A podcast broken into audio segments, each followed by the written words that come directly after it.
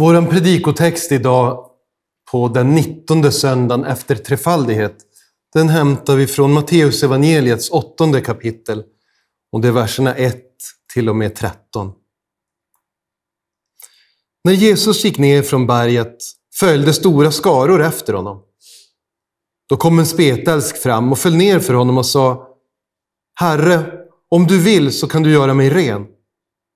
Jesus räckte ut handen och rörde vid honom och sade Jag vill, bli ren. Genast blev mannen ren från sin spetälska. Jesus sa till honom Se till att du inte berättar det för någon. Gå istället och visa dig för prästen och bär fram den offergåva som Mose har föreskrivit. Det blir ett vittnesbörd för dem. När Jesus var på väg in i Kapernaum kom en officer fram och bad honom. Herre, min tjänare ligger förlamad där hemma i svåra plågor. Jesus sa till honom. Jag kommer och botar honom. Officeren svarade. Herre, jag är inte värd att du går in under mitt tak. Men säg bara ett ord, så blir min tjänare frisk. Jag är själv en man som står under befäl och jag har soldater under mig. Säg jag till en gå, så går han. Och till en annan kom, så kommer han. Och till min tjänare, gör det här, så gör han det. När Jesus hörde detta blev han förundrad och sa till dem som följde honom, jag säger er sanningen, inte hos någon i Israel har jag funnit en så stark tro. Och jag säger er, många ska komma från öster och väster och ligga till bords med Abraham och Isak och Jakob i himmelriket. Men rikets barn ska kastas ut i mörkret utanför. Där ska man gråta och gnissla tänder. Till officeren sa Jesus, gå, så som du trott ska det ske för dig. Och i samma stund blev hans tjänare frisk. Amen. Herre, helga oss i sanningen. Ditt ord är sanning. Amen.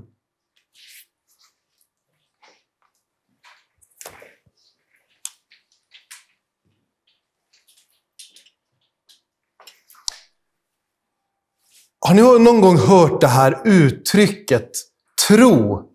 Det gör man i kyrkan. Tro, det gör man i kyrkan. Meningen med det är att i kyrkan så kan man ägna sig åt det som är lite diffust sådär. Men när man kliver utanför kyrkan, då måste man vara säker på sin sak. Bibeln talar om tron. Bibeln talar mycket om tron. Men Bibeln beskriver inte tron som ett diffust antagande. Eller som en aning om någonting som möjligen kan stämma. Utan Bibeln beskriver tron som en övertygelse om det man hoppas. Som en visshet om det man inte ser. Tron är faktiskt det säkraste vi har. Många andra rön kan förändras. Människor har varit övertygade om att jorden är platt. Och sen insåg man att den måste vara rund. Även om det finns en tillbakagång nu med flat earthers. De är i minoritet. Människor har varit övertygade om att, att solen roterar runt jorden, för så ser det ju ut för ögat. Och sen har vi lärt oss bättre. I början av pandemin var man övertygad om att det var viktigt att spraya med desinficerande spray på arbetsytor och torka av skrivbord och dörrhandtag för att sjukdomen inte skulle spridas. Och sen, efter något år, så fick vi reda på att det var helt onödigt. Det var bara genom luftburen smitta man kunde bli sjuk. Människan lär sig hela tiden nya saker. Vi kan tro att vi vet en massa saker med hjälp av vetenskapen. Men det är tills vidare, tills något annat dyker upp som är bättre och säkrare. Men en sak kan vi vara övertygad om. Och det är Guds ord. Vad innebär det att tro på Jesus? Hur är det att tro på honom? Jag tror att vi kan lära oss en del av det i dagens text. Vi får två intressanta exempel. Vi får höra om två fall när Jesus botar någon som är sjuk. Den första var en spetälsk, någon som hade lepra som kom till Jesus. Han faller ner framför honom och sa, Herre, om du vill kan du göra mig ren. Den andra var en officer från Kapernaum som kom till Jesus och bad honom komma och bota hans tjänare. Officeren sa, Herre, jag är inte värdig att du kommer in i mitt hus. Men säg bara ett ord, så kommer pojken att bli frisk. Både den spetälska och officeren lär oss någonting mycket viktigt om vad det innebär att tro på Jesus. Den som tror säger, för det första, om du vill så kan du. För det andra, Herre, jag är inte värdig. Och för det tredje, säg bara ett ord.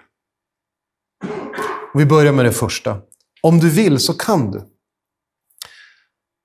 Lägg märke till vad den spetälska sa till Jesus. Han sa inte, Jesus, jag kräver att du gör som jag vill. Jag vill att du ska göra mig frisk. Du har helat så många andra. Det är inte mer än rätt att även jag får bli frisk. Vad säger han? Han säger, Herre, om du vill så kan du göra mig frisk. Det är ju helt annorlunda. Eller hur? Men vad är skillnaden? Den spetälske lägger över frågan lite grann i Jesu händer. Du får göra som du vill, inte som jag vill. Och så är det med tron. Och de som tror på Jesus, vi vill inte be låt min vilja ske och låt det gå snabbt. Utan istället, låt din vilja ske Gud. Gör som du vill Gud. Är inte det farligt? Och lämna över kontrollen på det sättet. Är det inte bättre att säga låt min vilja ske? Jag har ju tänkt igenom vad jag tycker är bäst. Är det inte bättre att min vilja går igenom än Guds? Tänk om Gud vill något som jag inte vill. Tänk en stund på den spetälske. Tänk vilka fruktansvärda lidanden som han har gått igenom. Spetälska var en grym sjukdom. Det var en obotlig sjukdom och en mycket smittsam sjukdom. Det fanns inga läkare som kunde lindra lidandet. Ingen medicin de kunde ta för att bli bättre. Och på grund av att den var så smittsam så fick de leva i isolering. Fick inte längre vara med andra människor. Fick inte längre bo hemma med sin familj. De fick inte gå till torget för att köpa mat. De fick inte visa sig på gatan ens. Utan istället fick de hålla sig för sig själva. Utanför staden, utanför byn. Och de var helt beroende av att människor var barmhärtiga och lämnade ut lite mat till dem. Tror ni att han hade längtat efter att bli botad, den spetälska man? Tror ni att han hade längtat efter ett mirakel och bett till Gud om att han skulle bli frisk? Och ändå säger han till Jesus, om du vill kan du göra mig frisk. Låt det bli som du vill. Han lägger allt i Jesu händer. Och det är inte lätt för honom att göra det. Men så är det att tro på Jesus. Det är att lägga saker i hans händer och låta honom göra det han vill. Det är att be som vi ber i Fader vår, i Herrens bön. Ske din vilja, så som i himmelen, så och på jorden. Inte min, din. Det är inte farligt att be så här. Det är inte farligt att låta Gud göra sin vilja. Ofta är det mycket farligare om vi alltid får det vi själva vill ha. För vem är Gud? Och vilka är vi? Gud är vår fader. Vi är hans barn som han älskar, som han är så fäst vid. Tror vi att Gud vill sina barn någonting ont? De av er som är föräldrar vet ju att man vill ju bara sina barn det allra, allra bästa. Och tänk vad Gud redan har gjort för dig. Han har räddat dig från alla dina synder genom att sända sin son Jesus till jorden för att lida och dö i ditt ställe. Du är fri. Du är frälst. Du har ett evigt liv som du får njuta av redan här på jorden, men framför allt i himmelriket. Gud vill inte att du ska gå vilse. Han vill inte att du ska gå förlorad. Ibland kan det vara så här att man tar sig an ett projekt och lägger ner mycket tid och mycket möda på det. Och ju mer tid och ju mer möda och kanske ju mer pengar man lägger på det här projektet, ju svårare är det att överge projektet, eller hur? För då känns ju arbetet bortkastat. Tänk vad Gud har lagt ner på din frälsning. Det är klart att han inte vill låta det vara bortkastat. Det är klart att han inte gör någonting som är dåligt för dig. Som är farligt för dig. Gud är inte bara kärleksfull heller. Han är också allvis. Han vet alltid vad som är bäst i varje situation. För oss så kan konsekvenserna av en handling eller en händelse vara oöverblickbara. Man kan gissa. Om vi gör så här så kanske det blir så här. Men man vet inte. Så är det inte för Gud. Han vet allt. Och därför är det inte farligt att be, ske din vilja. Det andra som vi ska ta fasta på, som den troende säger i sitt hjärta. Herre, jag är inte värdig. Det är en underbar bild som evangelisten målar upp av den här romerska officeren som kommer till Jesus för att be om hjälp för sin sjuka tjänare. Tänk er den här situationen. En högt uppsatt representant för ockupationsmakten söker upp en ur det förtryckta folket och så säger han, snälla, kan du hjälpa mig? Det vore mer väntat att han skulle säga, du där, häng med här. Och om Jesus inte skulle göra som han sa, soldater bakom, grip honom, ta med honom. Dessutom säger han så här, Herre, jag är inte värdig att gå in i ditt, i mitt, jag är inte värdig att du går in i mitt hus. Varför säger han så? En högt uppsatt officer som talar med till det yttre en fattig snickarson från Nasaret.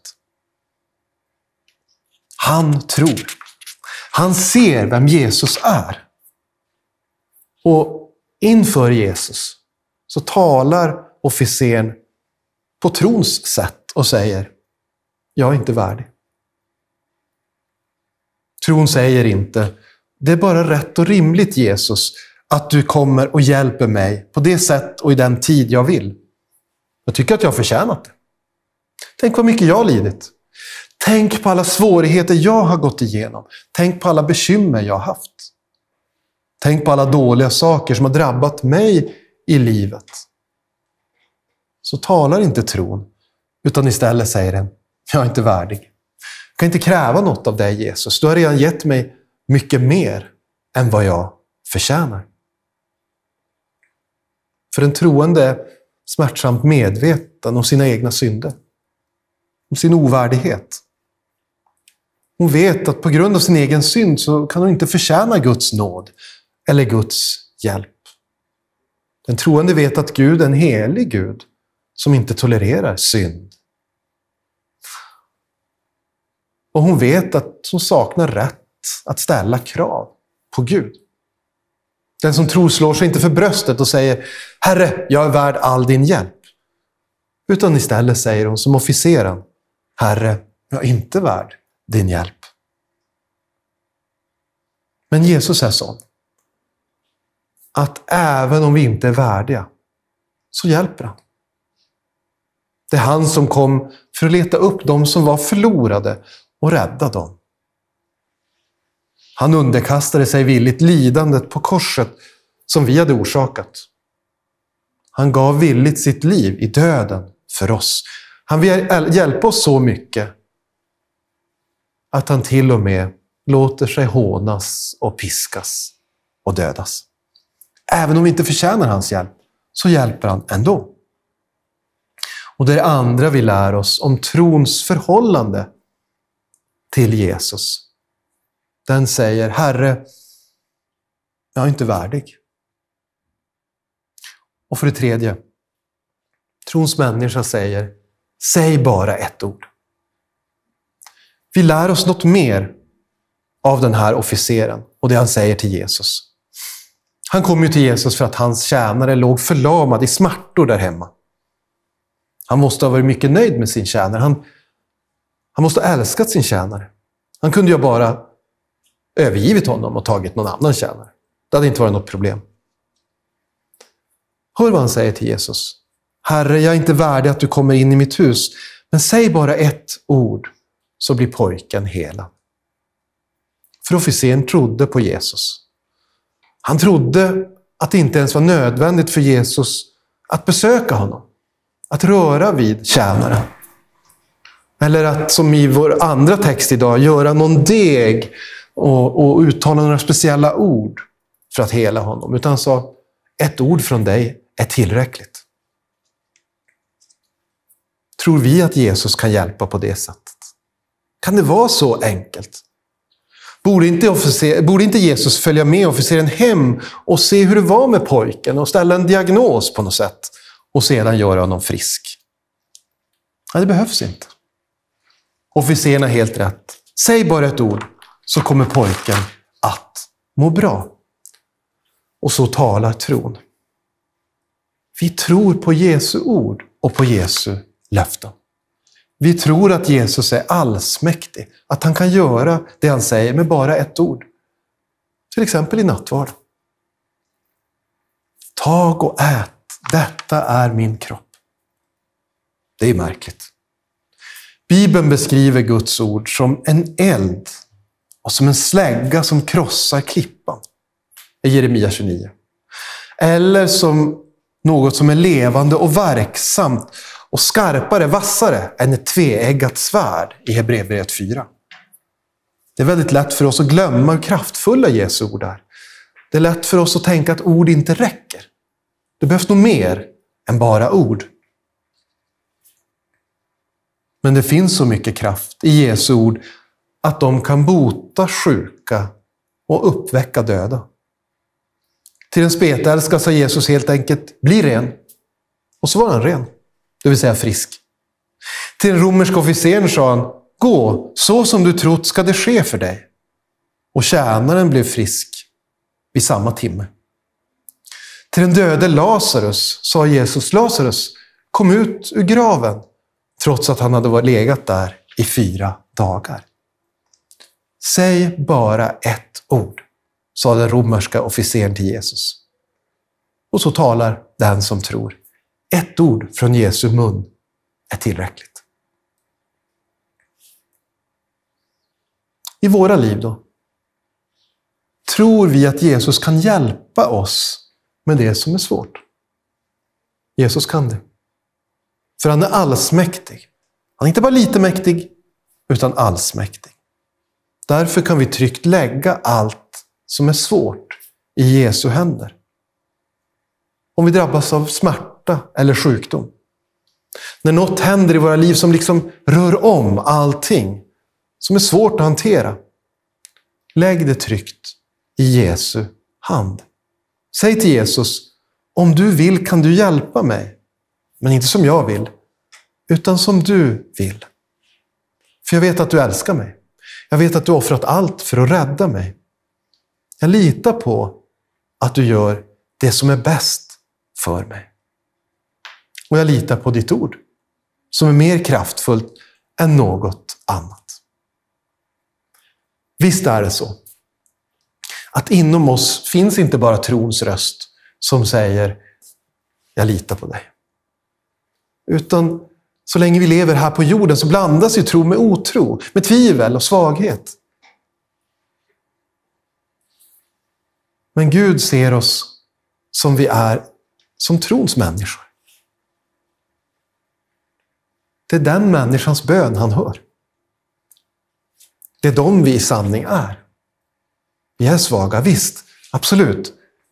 Men vi har fått tron som gåva och tron genom Guds kraft övervinner allt. Amen.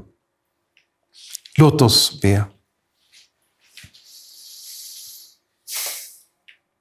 Käre Herre Jesus Kristus. Tack för att du har sänt din helige Ande i våra hjärtan och gett oss tron. Tack för att tron är en gåva och inte någonting vi behöver vara oroliga över att vi själva ska prestera. Tack för att tron omfamnar och griper tag i dina löften. Hjälp oss att låta trons röst ljuda. Hjälp oss att vara ödmjuka inför dig och lita på att du alltid vill vårt bästa. Vi ber i ditt heliga namn. Amen.